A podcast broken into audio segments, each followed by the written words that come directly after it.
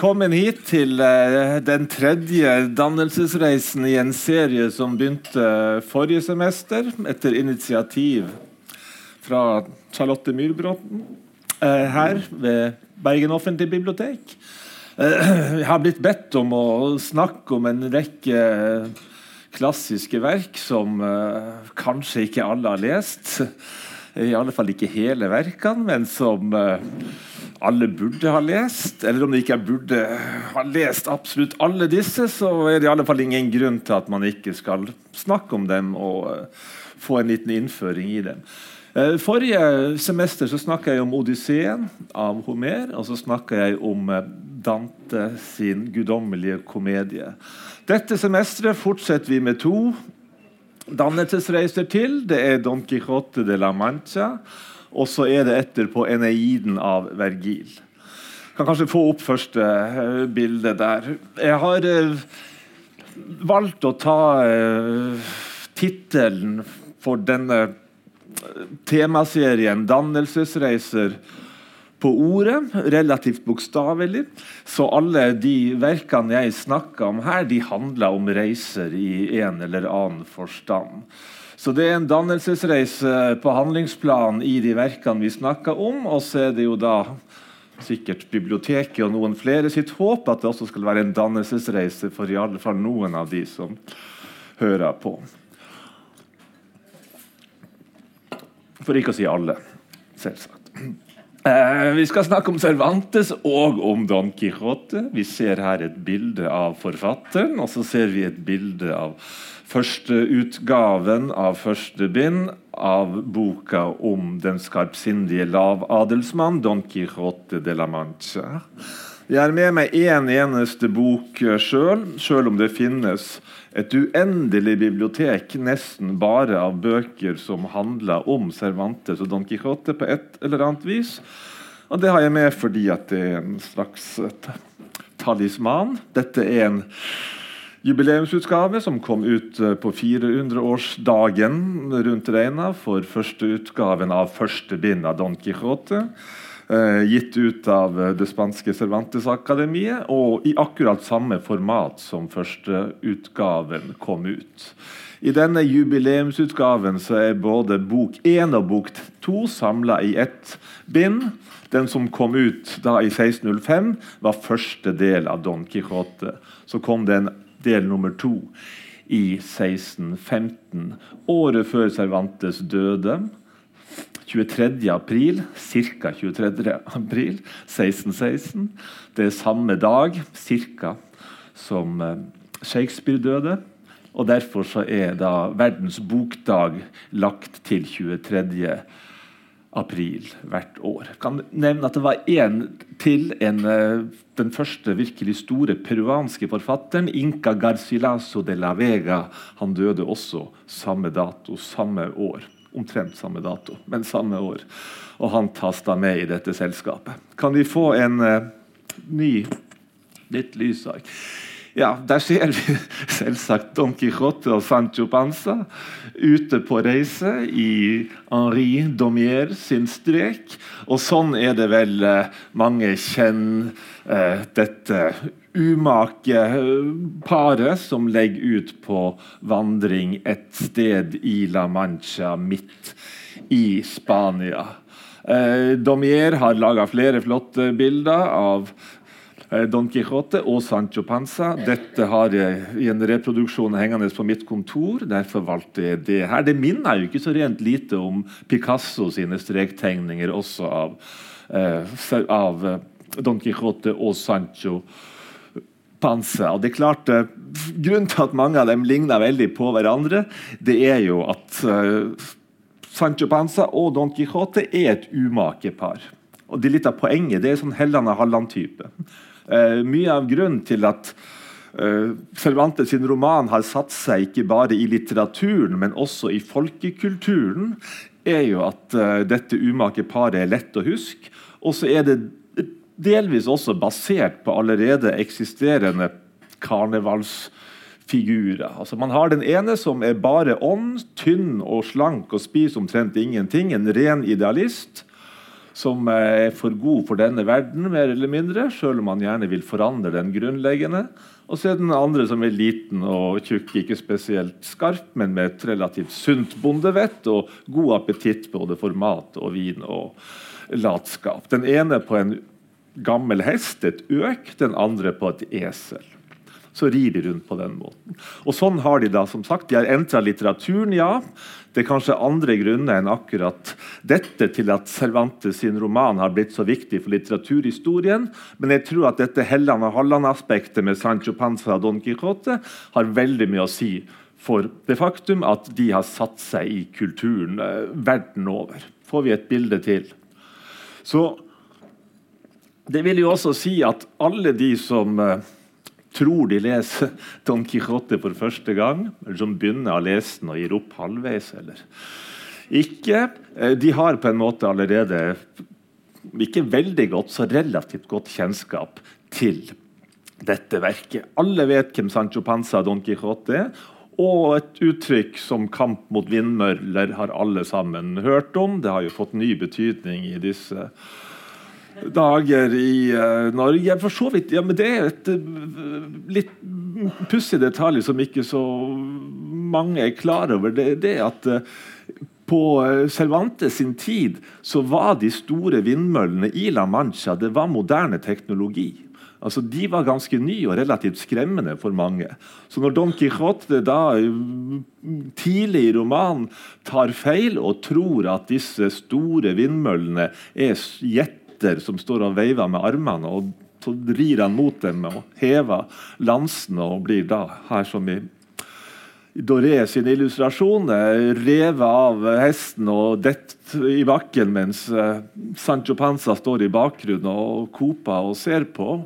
Eh, Månebedotten, som det heter. Så er det også også, men ikke bare fordi at dette er store tekniske monstre som det er ikke sikkert at en uh, godt og vel middelaldrende, uh, ikke spesielt uh, sosiale, holdt jeg på å si, Don Quijote skal ha så veldig nært kjennskap til. så vel, reisen her, som vi nå bare har sett en bitte liten del av, hvem er det som reiser? jo, det er Don Quijote, etter hvert med sin væpner Sancho Panza. Og hvor drar de? Jo, de drar i Spania, stort sett eh, på bondelandet i Castilla-La Mancha. Der drar de på til sammen tre utflukter.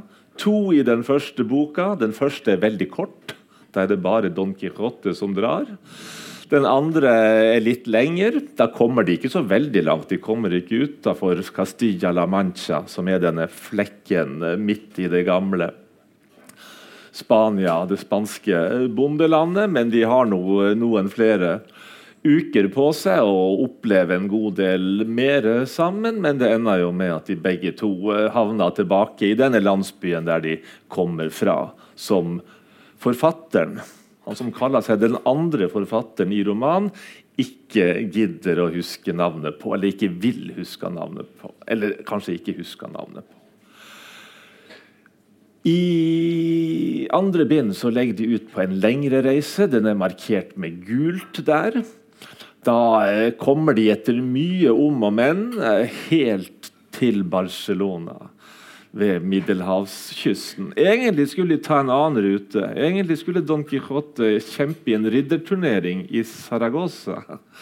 Som eh, ikke er helt samme vei, men i Innlandet i nærheten der et sted. Men siden det i mellomtida har kommet ut en falsk Don Quijote, en apokryp, apokryf Don Quijote, der hvor forfatteren har plukka opp det som blir sagt i slutten av første bind, i den virkelige Don Quijote, at det kommer kanskje flere eventyr. Kanskje vi får lese om når Don Quijote drar på ridderturnering til Saragossa, så skriver denne Avellaneda, som han eh, heter, en falsk oppfølger som kommer ut rett året før Cervantes får gitt ut sin egen. Og Siden Avellaneda har sendt den falske Don Quijote til Saragossa, og siden Sancho Panza og Don Quijote i andre bind får høre om at det finnes en falsk Don Quijote-roman, der hvor Don Quijote har dratt på ridderturnering i Saragossa og tapt så drar de til Barcelona isteden for å bevise at den andre Don Quijoten er falsk. Så der ender de opp mer eller mindre. Eh, der blir eh, Don Quijote til slutt eh, bekjempa i en ridderturnering, og så ender han opp hjemme i sin egen seng for andre gang i løpet av de to verkene. Jeg skal ja, gjør dette til en dannelsesreise. Vi skal straks komme tilbake igjen til handlinga i romanen og hva det er som kjennetegner eh, romanteksten. Men bare litt grann om eh, den historiske bakgrunnen. Som sagt eh, så kommer Don Quijote-romanen ut tidlig 1600-tall. Da er vi i den perioden som gjerne omtales som Spanias gullalder. Los siglos de oro på spansk. De gylne århundrer. Vi snakker om store deler av 1500-tallet og nesten hele 1600-tallet. Grunnen til at disse århundrene er gylne, er noe så mangt, egentlig, men det handler jo mye om den nasjonale forståelsen eh, som spanjolene har, mange spanjoler har, hadde av eh, det som skjer eh, etter at Spania blir gjenerobra, såkalt, fra eh, maurerne, som jo har satt seg fast der på 700-tallet og blitt der i 700 år. Det sies gjerne at det tok maurerne, altså muslimene, eh, syv dager å erobre Spania da de kom over fra det nord afrikanske fastlandet, og så tok det spanjolene 700 år å drive dem ut igjen. Men i løpet av disse 700 årene så har, går Spania da fra å være en rekke ulike kongedømmer til å inngå i stadig større allianser. Eh, til slutt er det bare to store kongedømmer igjen. og Det er Aragon, som omfatter bl.a. Barcelona, og så er det Castilla som da omfatter Madrid og Don Quijote sitt eh, område også. Når de slår seg sammen i et giftermål mellom den berømte kong Ferdinand Fernando og dronning Isabel i, 16, i, 16, i 1467 så har man fått nesten et helt spansk kongedømme. Det som da gjenstår å gjøre, det er å erobre uh, deler av Andalusia, der uh, maurerne finnes fremdeles. Og Der uh, er bl.a. Boabdil siste maurerhøvdingen forskansa i Alhambra. Og i 1492 så erobra faktisk 1. januar, vil de ha oss til å tro. Når det året begynner, så erobra Ferdinand selvsagt nesten alene, hvilket ikke er sant. Eh, Alhambra. Og så like etterpå så får eh, Columbus lov til å dra vestover mot uh, India og Asia. Og så blir jødene kasta ut samme året. Så 1492 er et viktig år for denne konsolideringa etter gjenerobringa av den iberiske halvøya. Får vi et bilde til. Der er et par nøkler til historisk forståelse. Den første nøkkelen er den som Boabdil da på mange avbildninger gir til kong Ferdinand når han overgir seg og Granada har falt. og Alhambra igjen på spanske hender.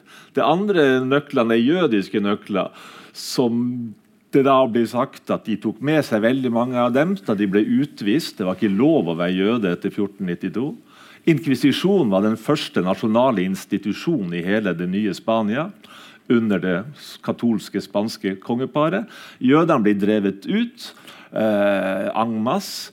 Og så har mange med seg nøklene som de bevarer den dag i dag. For ganske få dager siden så gikk fristen for at de skulle kunne repatriere seg tilbake. Og da kom mange jøder tilbake til Spania, enten de har vært der tidligere. og Noen av dem hadde også med seg disse, disse nøklene. Så Spania skal være et rent katolsk land. Eh, like etter blir Spania innlemma i det habsburgske imperiet. Karl 5. blir pga. tronarvingsdetaljer eh, konge til slutt. Og Spania i 1516. Spania blir datidens største supermakt. Eh, egentlig det største imperiet verden har kjent noensinne, selv om det ikke varer så veldig lenge før England og Frankrike overtar. Det betyr også at den spanske kulturen, som jo har vært relativt avgrensa tett på mauriske og afrikanske innflytelser, avsperra Pyreneene fra resten av Europa, og sånn ifølge munnhellet nesten mer like afrikansk som europeisk. Dette Spania blir da også får kontakt med den europeiske renessansekulturen, som jo står sterkt i Italia, selvsagt. Der har det vært direkte forbindelser. Men den humanistiske lærdomskulturen i uh, Holland, i Nederland, kommer jo også mye tettere på når de innlemmes i det store habsburgske riket. Og Dette regner man da som begynnelsen på denne gullalderen. Få et bilde til, som omfatter da som sagt, store deler av 1500-tallet og nesten hele 1600-tallet, da Spania blir en stormakt og slutter å være en politisk stormakt, men fortsetter med å være en kulturell, og litterær og kunstnerisk uh, stormakt. Men regna gullalderen som den perioden som omfatter det vi kunne kalle, eller som kalles renessansen og barokken. Det er en form for det er en modernisering, det er en brytningstid. Spania skal bli moderne. Den spanske litteraturen og kulturen og politiske kulturen skal moderniseres. Og ikke minst så er det eh, i første rekke Italia som er litterært forbilde. Man gir opp den middelalderske balladediktninga i veldig stor grad, og så importerer man nye former, eh, sonetten og andre strofeformer, fra Italia. Så får man eh, dramaet på nytt. Den nye spanske komedien finnes opp ved Lope de Vega. Man får mange ulike prosaformer, imitert delvis fra den italienske litteraturen. Eh, Novellediktinga når Spania Cervantes skriver novelle, novellesamlinger. Og det finnes til og med minst én novelle som er inkludert i første bind av Don Quijote. Den er tatt med i sin helhet fordi at den blir lest i Juan Palomeque sitt vertshus. Der har det selvsagt vært en forfatter som har latt den novellen ligge igjen. der, en forfatter som minner om Cervantes. Og så leses hele novellen opp om nysgjerrighet i utide. Man dikta hylderomaner, altså idylliske romaner fra arkadisk miljø. Cervantes gjør det, Lope de Vega gjør det, og mange andre gjør det. Men den formen den litterære formen som er som spesifikt uh, spansk fra denne perioden, er en særegen romanform som kalles for pikaresk-roman. Mange vet sikkert hva en picaro altså Det er en skjelm. Det er en uh, ja, Man sier jo skjelm på norsk. Rogue. En småbanditt. En uh, uviktig person som ikke har noe tilhørighet noe sted, egentlig, og som går fra sosial situasjon til sosial situasjon. Han er avhengig av uh, gode hjelpere og, og, og ja, folk som kan vise han vei gjennom stamshierarkiet, men han ender alltid opp i, i fengsel. Og uh, disse, Den romanformen det er en satirisk romanform Eh, som oftest i brevs form, fordi at det er pikaroen sjøl, denne småforbryteren, som angrer seg til slutt. Og så skriver han da gjerne sin roman i brevs form til en høyvelbåren herre. 'Lazarillo de Tormes' er den første eh, pikaresk roman. Den finnes på norsk som 'Vesle Lasarus fra Tormes', både på nynorsk og på eh, bokmål. Så når det er mange gode grunner til å nevne dette. Altså, nå har jeg bare gitt et veldig kort og skisseaktig, selvsagt historisk og litterært, kulturelt uh, tablå, bakgrunnsbilde uh, her. Men det som skjer i veldig stor grad i Don Quijote, det er at alle disse historiske og kulturelle og litterære eh, nyvinningene, altså hele dette nye sjangersystemet, den nye litteraturen, de nye politiske formene, konsekvensene eh, for befolkninga av oppdagelsen av Amerika, eh, erobringa av Spania, utdrivelsen av jødene osv. Uh, det blir tematisert på en eller annen vis i romanen. Det som gjør Don Quijote til en moderne roman og til en så viktig roman. Mange sier, og jeg så vidt en av dem, at dette er den første virkelig moderne eh, romanen, så skyldes det at den i så stor grad inkluderer omtrent absolutt alt som finnes av sosiale kategorier. Alle mulige slags personer. Egentlig hele stanshierarkiet, fra aller lavest og nesten til aller høyest. Ikke aller høyest, riktignok, men eh, eh, nesten. Og at alle typer litteratur, alle typer tekst, alle typer språkbruk, alle dialekter, alle sjangre er på en eller annen måte med i denne romanen. Det høres ut som en overdrivelse, men jeg kan garantere at det er ikke det. Det er faktisk sant. Jeg kan utfordre nesten hvem som helst. Finn én sjanger eller én språkbrukssituasjon som var vanlig i Spania rundt år 1600. Du kan garantert gjenfinne den i Don Quijote. Parodiert, da. altså Ikke nødvendigvis ondsinna parodi, men på den måten at det er snakk om en sjanger eller en, litterær eller språkbrukssjanger som ikke er enerådende. Det Cervantes gjør at Han spiller ulike måter å se verden på språklig sett ut mot hverandre. Og så ender man opp med en uendelig kompleks og mangefasettert uh, tekst som vi ikke kan si uh, skal bety akkurat det eller det, eller ser verden på akkurat den eller akkurat den måten. Nei, den har med det aller aller meste. Til og med den siste formen som jeg nevnte, pikaresk-roman. Så Hyrderomanen er jo parodiert over en lav sko i, eh, i, eh, i Don Quijote. Det finnes mange partier, fire-fem viktige partier, hvor det er snakk om side opp og side ned, hele kapitler som en parodi på hyrdediktninga. Eh, også ja, komedien, dramaet, er parodiert. Eh, og pikaresk-roman i et uh, flott kapittel, kapittel 22, muligens vi kan komme litt tilbake til det, hvor de møter en uh, gjeng med galeislaver som er akkurat den typen som det handler om i pikaresk-romaner, eller som er også den typen som pikaroen, fortelleren i pikaresk-romanen, utgjør. Og så har de en litterær diskusjon, uh, fordi at den viktigste i den lenkegjengen Ginés Pantsamante har nettopp skrevet en pikaresk roman som er så god at Lazarillo de Tormes og alle andre kommer til å bli glemt, sier han. Men altså, det kommer vi tilbake til uh, i den grad vi rekte. Tida går fort. I alle fall for den som snakker.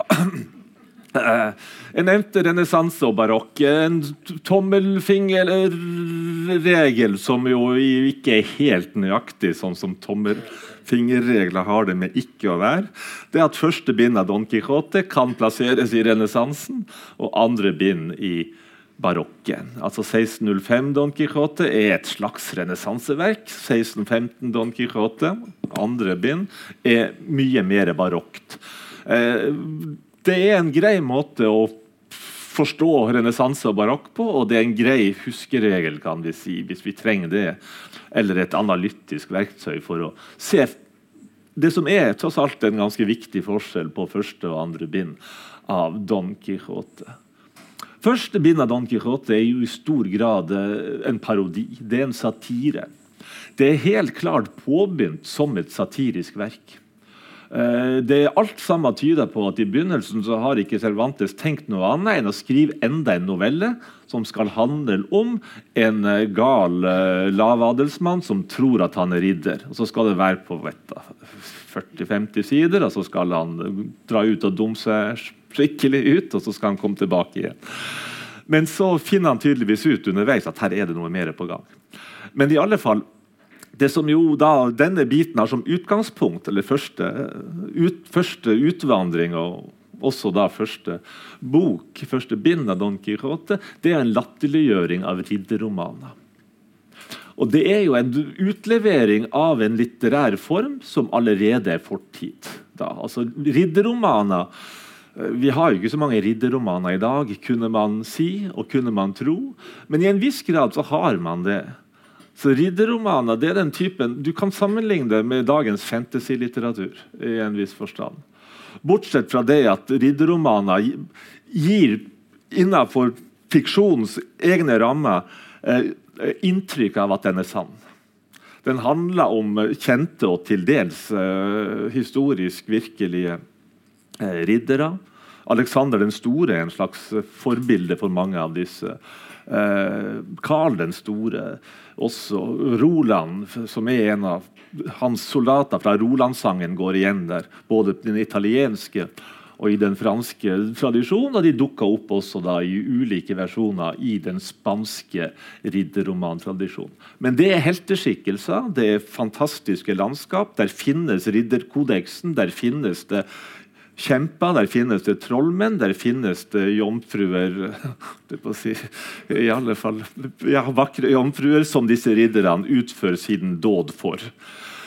Og Det er på en måte det som er utgangspunktet, og det er klart det er jo en viktig aspekt uh, ved Don Quijote. Her skal en type virkelighetsfjern uh, fiksjonsdiktning utleveres og latterliggjøres. Det er et slags renessansetrekk i dette. Renessansen er jo kritisk. Den går tekstkritisk til verks. Den vil oppdage historien på nytt. Den er filologisk. Eh, den leser og oversetter Bibelen til folkespråket fra originalspråket eh, osv. osv. Den er filosofisk også. Den godtar ikke lenger overleverte dogmer, for å si det eh, veldig svart-hvitt. Og Den samme formen for kritikk er det vi finner kunne vi si, i Don Quijote når det gjelder forestillinger om middelalderens ridderunivers. Don Quijote er også gal. Han er jo, så Teknisk sett, klinisk sett så er han jo psykotisk, i alle fall i lange perioder. Men galskapen er også et vanlig brukt virkemiddel i renessansefilosofien. Rasmus Rotrodamus har dårskapens lovtale, for bare å ta det mest kjente eksempelet. For har du en gal person som kan si, litt sånn som Hoffnaren kan si det som om ikke alle tenker, men som mange kunne finne på å tenke, som er grunnleggende kritisk, så er det greit å ha denne galskapens maske å gjemme seg bak. Og det er på en måte Servant, unnskyld, eh, Don Quijote sin galskap uh, hjelper til å få ja, både vist uh, galskapen, vanviddet, i ridderromantradisjonen, uh, og hvor absurd det er å tro på dette. Hvilket noen kanskje gjorde fremdeles. Når vi leser Cervantes, så får vi inntrykk av at det er relativt vanlig å tro på dette i visse kretser. Men uh, Altså, der kan man utlevere ridderromantradisjon, og så kan Don Quijote også ved hjelp av sin galskap opptre i ulike situasjoner og si ting som er veldig veldig sann. Don Quijote er plutselig helt soleklar, uh, lys i toppen, uh, meget velformulert også. I sine lyseste øyeblikk så er Don Quijote en renessanseskikkelse når han snakka varmt om diktning, når han snakka om vennskap, når han snakka om forholdet mellom våpen og, og penn, altså mellom det å være soldat og det å være forfatter, intellektuell osv. Så, videre. så det er mange sånne passasjer hvor Don Quijote sin galskap også kan skjule virkelige innsikter. Men altså, Don Quijote blir utlevert, blir latterliggjort, og det blir de aller fleste andre også i første bind i en sånn kritisk undersøkelse av så Hvis man tar disse store ordene i ridderromanen eller for så vidt i andre sjangre også, og trekker det ned på jorda, hva er det egentlig vi får? Igjen da, Hvis vi lar dette foregå på det spanske bondelandet, så ser vi litt tydeligere kanskje hva det er som uh, egentlig står på spill her, og hvor usannsynlig mye av dette som det skrives om, egentlig er.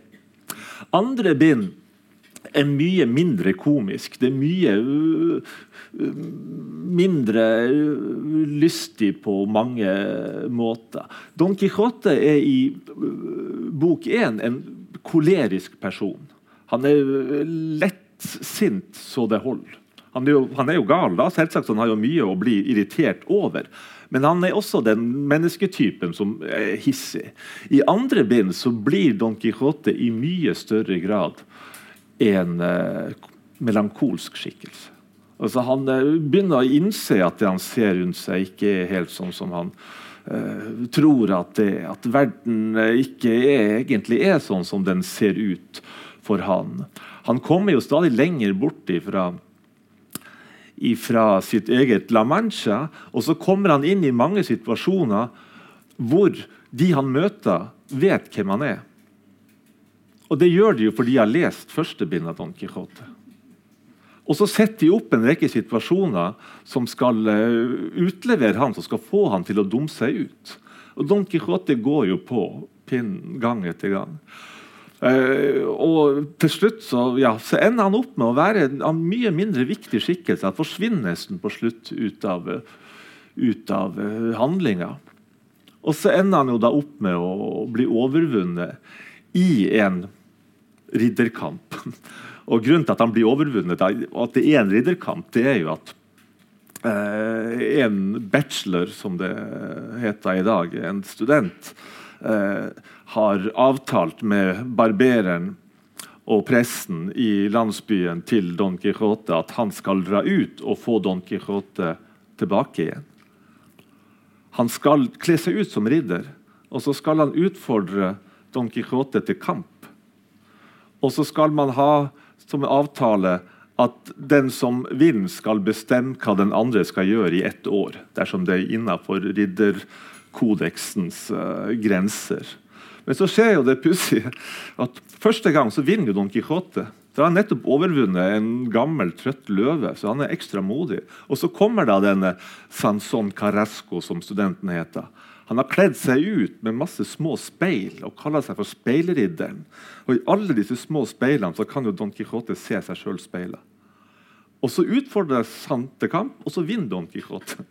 Og Da får jo Sanson Carasco, speilridderen, beskjed om at han skal dra til Dulcinea del Toboso, som er den vakre jomfruen til Don Quijote, som jo selvsagt ikke er en vakker jomfru, i det hele tatt, og fortelle at han har blitt overvunnet av Don Quijote osv. Men helt på slutten av romanen så blir Don Quijote tatt igjen på nytt av Sanson Carasco. Nå er Sanson Carasco blitt løveridder. Og eh, da vinner han på ei strand i Barcelona over Don Quijote, som da er nødt til å dra tilbake igjen. Så egentlig så, så han blir overvunnet til slutt, og han innser til slutt da for så vidt at han eh, ja, han har fantasert. Han har ikke levd helt sånn som han burde. Da våkner han opp igjen. Og det som jo er det flotte spanske ordet for dette, det veldig barokke ordet for dette, er desengaño. Engaño på spansk betyr bedrag, og desengaño er et form for avbedrag. Når du våkner opp og ser verden sånn som den virkelig er, så opplever du desengaño. Og i barokken, den spanske barokken, som er dypt katolsk, den er motreformatorisk, så handler det i stor grad om å innse at verden bare er teater. Verden er et skuespill. Våkne opp og skjønne at det som du opplever i denne verden, ikke er virkelig. Det er en drøm, det er et skuespill. Når du dør, så våkner du opp til den sanne virkeligheten, som er av åndelig og varig art. Og det er jo det Don Quijote gjør her også. Uh, han, blir, han blir gal. Så det hold, Han lever jo da ikke bare sånn som vi alle gjør i uh, verden, et samfunn der vi tror at det vi ser rundt omkring oss i hverdagen, er det virkelig er det som betyr noe. Uh, han er jo i tillegg da en som har blitt dobbelt bedratt av de tingene han har lest. Og så varer galskapen gjennom to hele bind. Uh, over 1000 sider, godt over 1000 små, eller store sider med små bokstaver på før da Don Quijote på nest siste side våkner opp igjen. Da innser han at eh, troen på disse fantastiske riddereventyrene bare er ja, skygger og luft. Bedrag. Og så tar han mot sakramentet. Der har han et uh, krusifiks på seg, og så dør han jo da omtrent helt til slutt. Men da har han liksom våkna opp igjen til den virkelige sanne verden. Og den virkelige sanne verden er jo da selvsagt den kristne troen. Han har nettopp vært i et bibliotek da i Barcelona og sett på mange uh, bøker og kommentert dem også. Og så kommer han da over én bok som eh, handler om kristendommen, som er en oppbyggelig kristen bok. og da sier han ja, Sånne bøker er det egentlig alle sammen burde lese, og ikke alle disse andre fantastiske, løgnaktige bøkene. Man, eh, det er jo vanlig å lese det som at eh, Don Quijote blir gal tidlig, lever i en uh, uvirkelig ridderfantasiverden, og så våkner han opp til virkeligheten eh, igjen. Men hvis man skal være litt sånn heterodoks og litt provokativ overfor en viss type ortodoksi, så kunne man jo tenke seg til at det Don Quijote gjør helt til slutt, at han våkner opp i en annen fiksjon. Og det er den fiksjonen som uh, blir dosert i den typen bøker av kristen oppbyggelig art som han ganske nylig da har kommentert i, i dette trykkeriet i Barcelona. Får vi et til bilde her. Ja, Den første moderne romanen da har vi for så vidt sagt. Legg merke til den surrealistiske illustrasjonen ved Salvador Dali. Som, det som gjør dette til en roman, er det voldsomme mangfoldet den har. Den er en, veldig, en skriftlig sjanger i veldig stor forstand. Roman er jo en av eh, la oss si, de to eh, store sjangrene som oppsto etter boktrykkerkunsten. Og det er også den en av de to store sjangrene. Den andre vil være essayet. Hvis vi regner det som en litterær sjanger, og det bør vi jo sikkert gjør, Som, opp, som er basert på, på, skrift og på skriftspråk. De andre tidligere sjangrene er basert på opprinnelig muntlig diktning. Og de har et helt annet ferdig utvikla sjangersystem. Sjangerkriterier. Sånn og sånn skal eh, språket og verden se ut i f.eks. et elegisk dikt eller en hyrderoman eller et epos, eh, for å ta noen av disse gamle eh, diktformene. Mens roman tar imot alt det som kommer. Bare tenk på når trykkekunsten er blitt oppfunnet, hvor mange ulike tekster man har tilgang til samtidig. De belyser hverandre på en helt annen måte enn det som var mulig i en muntlig og da gjerne enspråklig kultur. for å si det på den måten. Det andre hovedkjennetegnet uh, ved romanen ved den rom moderne romanen ja, det at den handler om nåtid, uh, og den handler om en verden som er blitt forlatt av gudene, for å si det enkelt. Den har blitt avfortrylla. Så mens uh, ridderromaner og epos foregår i en tid der hvor det fremdeles finnes magi, og det finnes guder og halvguder og åndevesener og en idealisert uh, virkelighet, så er Don Quijote uh, en roman som foregår i et gudsforlatt univers. Den transcendentale hjemløshetsform, heter det på veldig fint i et standardroman standardromanteoretisk verk. Mennesket er ikke lenger hjemme i universet. Det bor ikke lenger i den store boligen som Gud har bygd til oss. Men vi har blitt hjemløse. Vi har mista på en måte vår plass i helheten. Og så handler det i veldig stor grad om hvordan man skal finne tilbake igjen. Det Don Quijote gjør som sitt prosjekt, er jo at han altså Han vet at verden er blitt avfortrolla. Han vet at her har man falt ifra et åndelig nivå da riddervesenet eksisterte, og da man faktisk kunne utføre autentiske ridderbragder. Hans prosjekt er jo å gjeninnføre uh, ridderuniverset og gjør ting rett som har vært skeive osv. Hjelpe alle fattige i nød. Men for en måte få vridd det hele til, sånn at denne falne virkeligheten som man har opplevd etter at gudene forsvant, etter at Gud døde, for å si det på litt mer moderne Så Det er hans prosjekt å prøve å få dette til å gå opp igjen. Men det går jo ikke, for det går på trynet, for å si det vulgært, gang etter gang. Får vi et til bilde her? Ja. Vi kan ta med Det også, det er jo mye skrift her. Dere trenger ikke å lese det. Eh, men Den moderne romanen er realistisk i den forstand at den går tett på tingene. Realisme det kommer jo fra res. Det betyr jo ting. Så mens man i den eh, holdt jeg på å si, eldre diktninga, den, den mytiske, episke diktninga, holdt seg på et visst opphøyd åndelig nivå, så går uh, den moderne romanen veldig tett på, på tingene og kommenterer kroppsfunksjoner, hverdagslige gjøremål masse. Det den også gjør i stor grad, det er at den parodierer. som sagt. Den parodierer absolutt alt som finnes av tidligere litterære og språklige former. Og den parodierer seg sjøl, ikke minst også. Og den gjør det hele veien. Den starter med tittelen Forordet er parodi, en parodi på forordet. Eh, dedikasjon til en hertug er et avskrift fra en annen dedikasjon.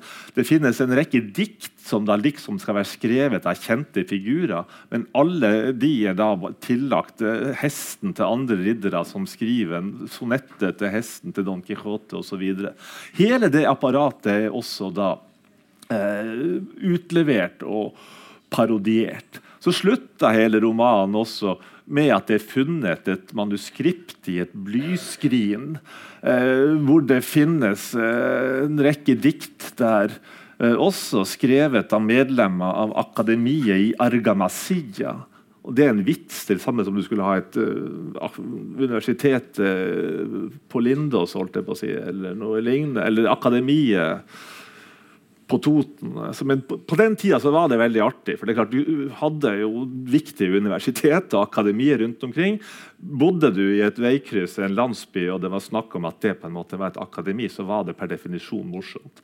Og her er det medlemmene av akademiet i denne fillelandsbyen Argamasilla som har skrevet både det ene og det andre og også antyde at det nok kommer et nytt bind. Ikke minst er det funnet et blyskrin i grunnmuren på et gammelt, revet eremittempel. Det er der disse papirene ble funnet.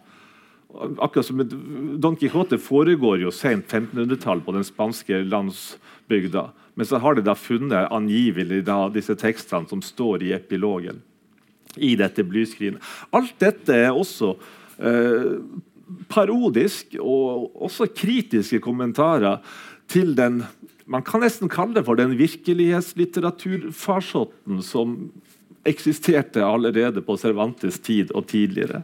Det var veldig vanlig at man fant den typen uh, manuskripttekster som f.eks. skulle vise at den og den eiendommen tilhørte den og den slekta, som kunne ha vist en familie helt tilbake til romertida, eller at det slottet egentlig ble Eh, grunnlagt av én disippel sånn og sånn.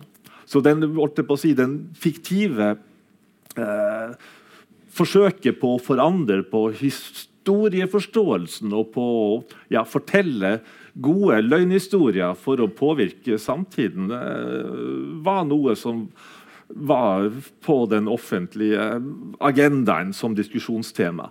Cervantes tar det også opp.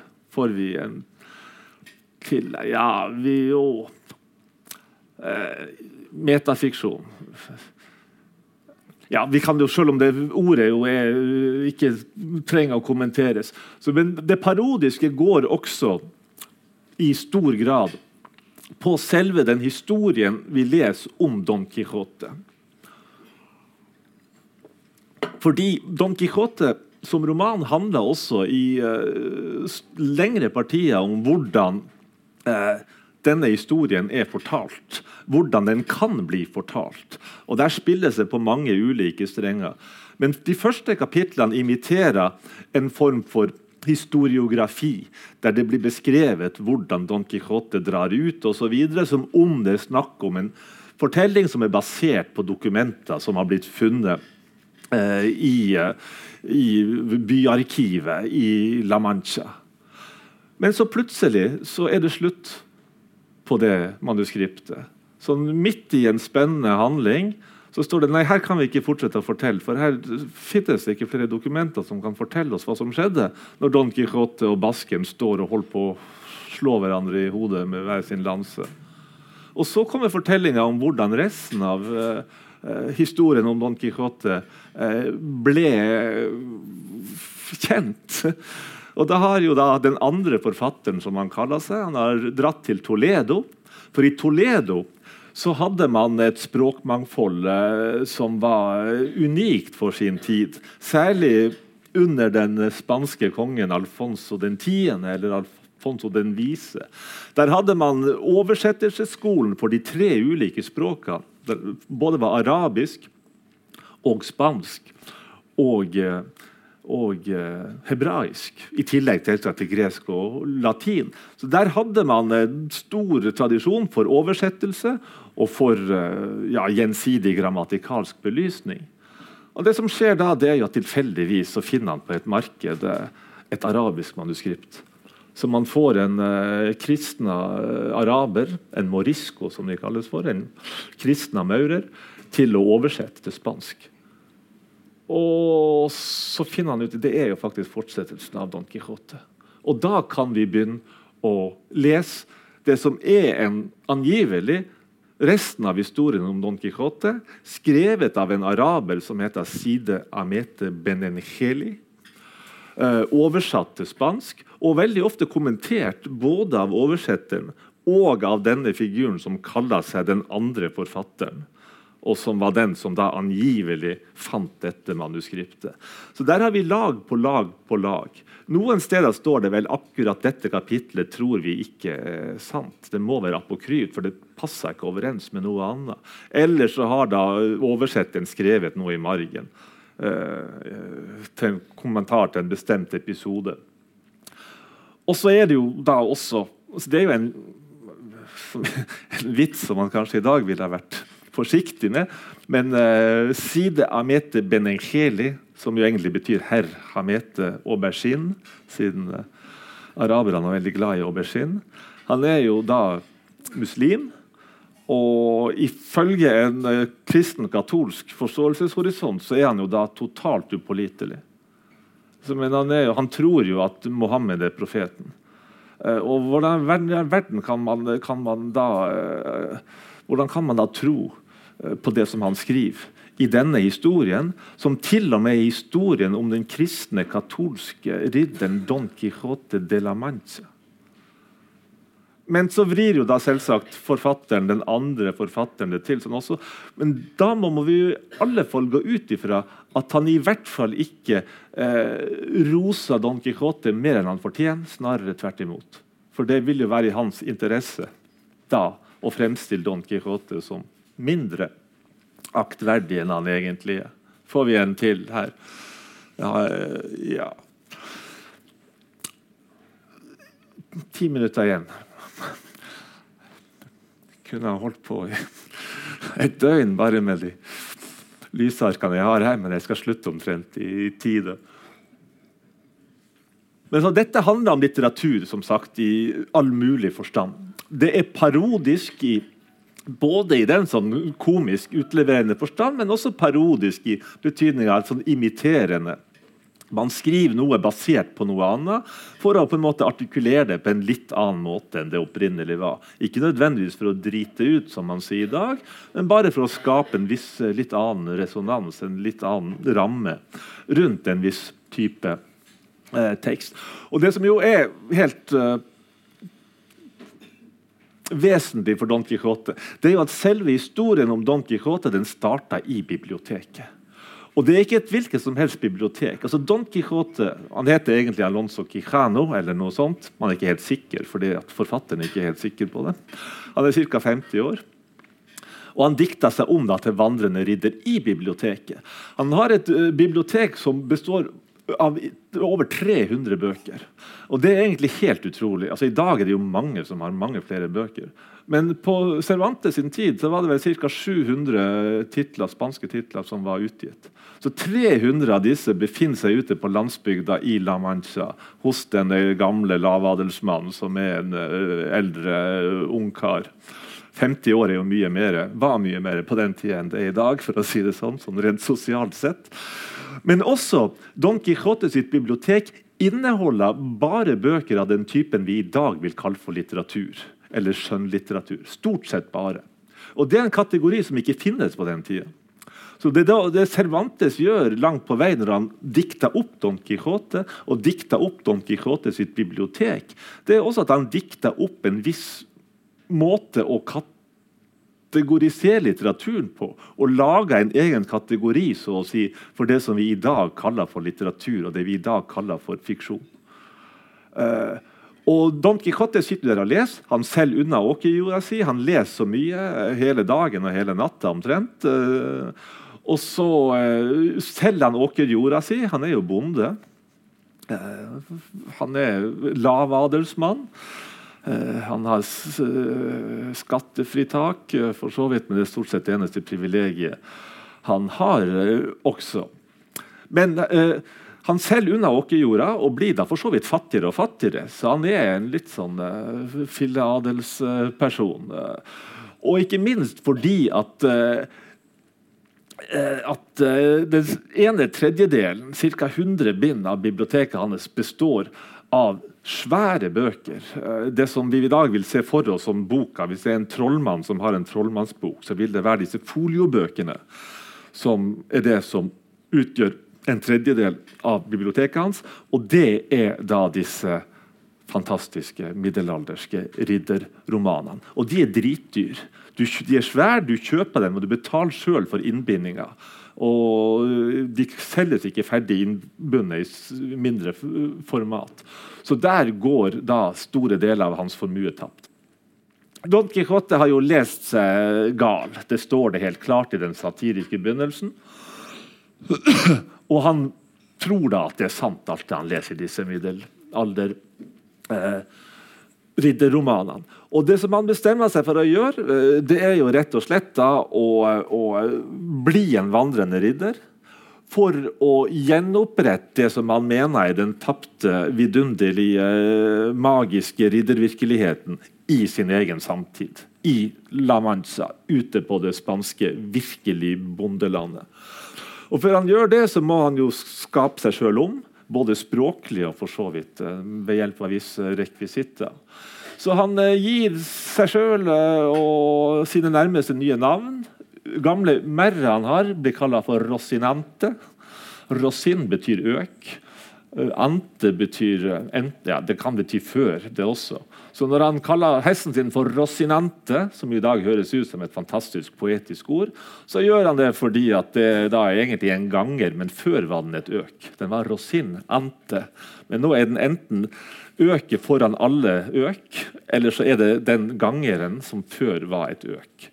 Og så finner han ut at uh, en uh, bondepike i nabobygda Toboso egentlig er en uh, vakker uh, jomfru. Så døper han om til Dulcinea del Toboso, og så døper han seg sjøl om til Don Quijote de la Mancha. Egentlig så heter han jo Alonso Quijano eller Alonso Quijada.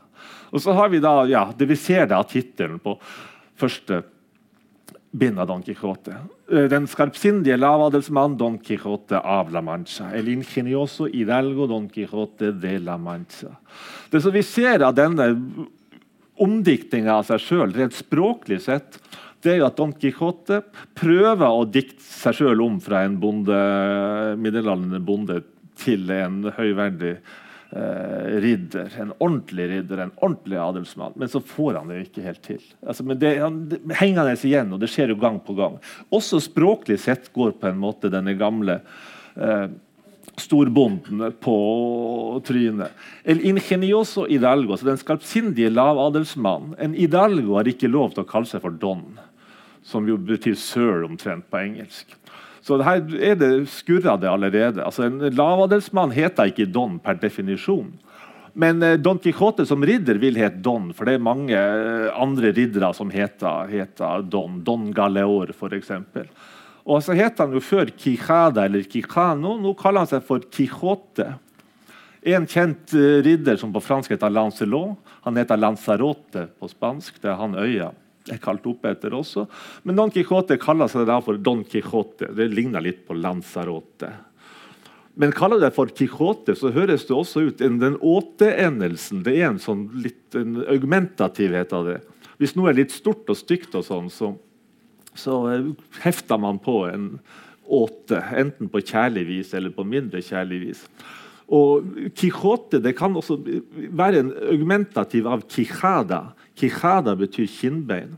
Heter du Don Quijote, så kan det høres ut som om du da ja, du er den som har en lang eh, kjeve. Sør-kjevelang eller noe sånt. Av La Mancha. Alle riddere er jo adelsmenn, og de er av et eller annet, som jo er den, det det betyr. denne de, de la Mancha. Men da, La Mancha betyr jo flekken. Og La Mancha er omtrent like eh, høyverdig episk som eh, Gaular eller Toten. Men eh, Don Quijote tenker du så, Amadiste Gaula er tittelen på en av de aller mest kjente ridderromanene fra den tida. Så Don Quijote ville da kalt seg Don Quijote de la Mancha. Men så det høres, Skulle man oversett tittelen til norsk på en måte som den, Det gjør jo ikke det. Man oversetter jo veldig sjelden den type titler til, til, norsk. Hadde man gjort det, så kunne man ha sagt noe sånn som uh, Den skarpsindige eller fantasifulle storbonden Sør Kjakelang fra Gaular, eller noe sånt. Da hadde man hørt det mye bedre enn hvis man da bare kaller han for Don Quijote de la Mancha. Ja, Vi må ta et par til, for så skal vi uh, ja. På første utreis eh, han drar, så er denne kort. Han drar ut alene og ender snart opp i sin egen seng igjen.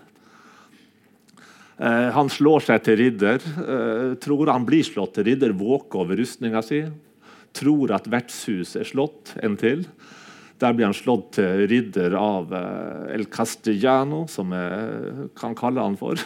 Som han tror er slottsherren, som står der og leser fra en bok uh, hvor han fører regnskap over dyrefòret han bruker, mens han slår han til ridder. Men altså i andre altså, så begår han et par sånne helt absurde uh, riddereventyr. Ta en til. Og så ender han til slutt uh, mørbanka i senga. Ta en til. Da får vi det fine bildet. Eh, fordi at Mens Don Quijote har eh, gått på trynet og blitt båret hjem av eh, nabobonden, så ligger han da i senga og fantaserer. Imens så tar jo da familien og vennene hans og går igjennom hele biblioteket. Og så blar de opp bøkene. Det er sånn parodi på inkvisisjon. dette. Inkvisisjon er også en sjanger kunne man si, som blir parodiert her. Og Så tenner de et bål i hagen og så brenner de bøkene. Og Så får vi også en ganske lang diskusjon mellom presten og barberen, som da står og diskuterer noen av de bøkene. Så dukker selvsagt en bok eller to av Cervantes sjøl opp der. Og så hiver de en masse bøker på bålet uten å lese dem. Og så er det jo da tross alt relativt mange Eh, av disse ridderromanene som likevel finner nåde og ikke blir brent fordi at de har visse kvaliteter. Amadis de Gaula er en av dem. Få et bilde til. En til. Enda en til. Så etter at vi får inn Sancho Panza i romanen, her, så har da på en måte Don Quijote Unnskyld, ja, han har fått en, en make. Han har fått en, en makker heter det vel egentlig. Og Det betyr da at vi får en helt ny dynamikk inni her. Det som var en enkel eh, satire, en parodisk utlevering av den gamle, gale storbonden, blir til en finurlig, psykologisk, realistisk, litterær eh, mekanisme mellom de to hovedpersonene. Det er da tydelig også at Cervantes ombestemmer seg omtrent på den tida når han finner ut at Don Quijote skal ha en, en væpner. For Da går han tilbake igjen i romanen sin. Det som før har vært én sammenhengende tekst, legger han inn kapittelinndelinger, noen ganger midt i en setning så kommer det en kapittelinndeling. Fordi at når Cervantes har kommet så langt som han har kommet, at Sancho Panza kommer inn i bildet, og her begynner det å skje noe med Don Quijote-figuren, så begynner han å skrive som om det skal være et lengre verk. Og så får jo da uh, selvsagt Don Quijote uh, både forsterka og modifisert mange av sine åndelige høytravende, fantasifulle særtrekk. Og så får vi da Sancho Panza som en skarp kontrast til dette. Don Quijote snakka i et arkaisk språk som minner om latin mange eh, steder. Sånn som de gjorde i ridderromanene. Sancho Panza er 'down to earth', som det heter på nynorsk. Uh, og Det som blir hans uh, særegne uttrykksform etter hvert, det er ordtaket. Det renner ordtaker ut av han hele veien. Og det kommenteres det kan, En replikk kan ha fem-seks forskjellige ordtak. Don Quijote ble jo helt tussete av det til slutt. Men det er faktisk en god del kommentatorer som har ment at den viktigste personen de overdriver litt av, i romanen er Sancho Panza. For der har du dokumentert så mange folkelige uttrykk og så mange ordtak, ikke minst, at det er en gullgruve for den typen uh, for den sjangeren også. Ordtaket er jo også en sjanger, og Sancho Panza er også en form for parodi på en viss type litteratur, kunne man kunne man si. Få en til, så skal vi straks uh, Enda en til.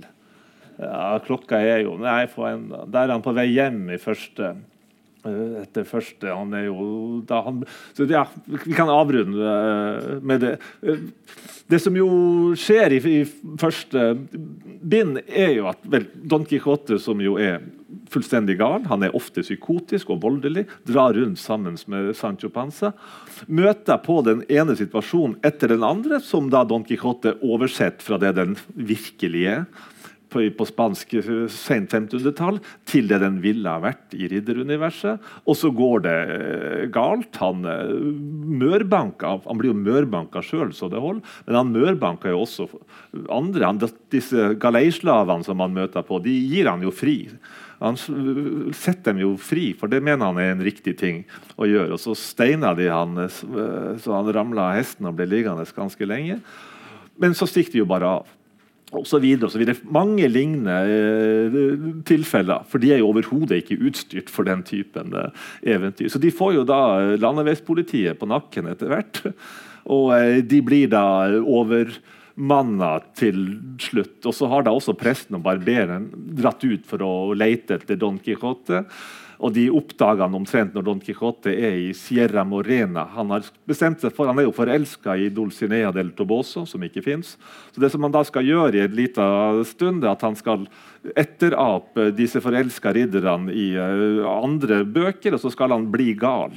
Så Han kler av seg rustninga så hopper han rundt og kler seg naken og står på hodet for at Sancho Panza skal dra til Dulcinea del Toboso og fortelle at nå har Don Quijote ridderen blitt gal av kjærlighet til henne. Men de ender opp på et vertshus da, hvor de er veldig lenge. Og så kommer det en hel masse forskjellige folk der. Og så har vi da en sekvens her som jeg mener vi kan si den, den er også en parodisk sekvens på det som er novellesjangeren. I novellelitteraturen så møttes folk gjerne, et stort følge, veldig gjerne på et vertshus. Så kom det masse forskjellige folk, og så fortalte de historier til hverandre.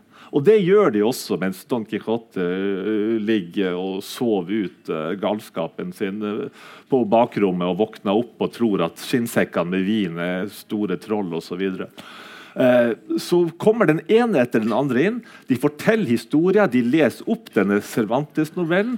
Og så viser det til slutt seg at alle de som har møttes der, de kjenner hverandre på et vis, og så løses alle disse historiene som de har fortalt over kapittel etter kapittel, på en sånn finurlig måte. Men da blir også Don Quijote overmanna, satt i et bur og sendt hjem igjen til landsbyen sin, der han blir lagt i senga for å sove ut uh, galskapen sin enda en gang. Og der slutta bind igjen. Og det er på en måte der, ja, den første virkelig Don Quijote-boka slutta, og så tar andre bind opp tråden. Vi har snakka oss igjennom andre bind, også delvis, og jeg tror vi bare kan slutte der med det bildet og si at vi var ikke mer enn et par minutter på overtid, eh, sjøl om jeg snakka kanskje litt fort innimellom. Men. jeg kan godt ta imot noen spørsmål etterpå hvis det er noen som har lyst til det, men eh, vi Ja. Det er også lov å gå.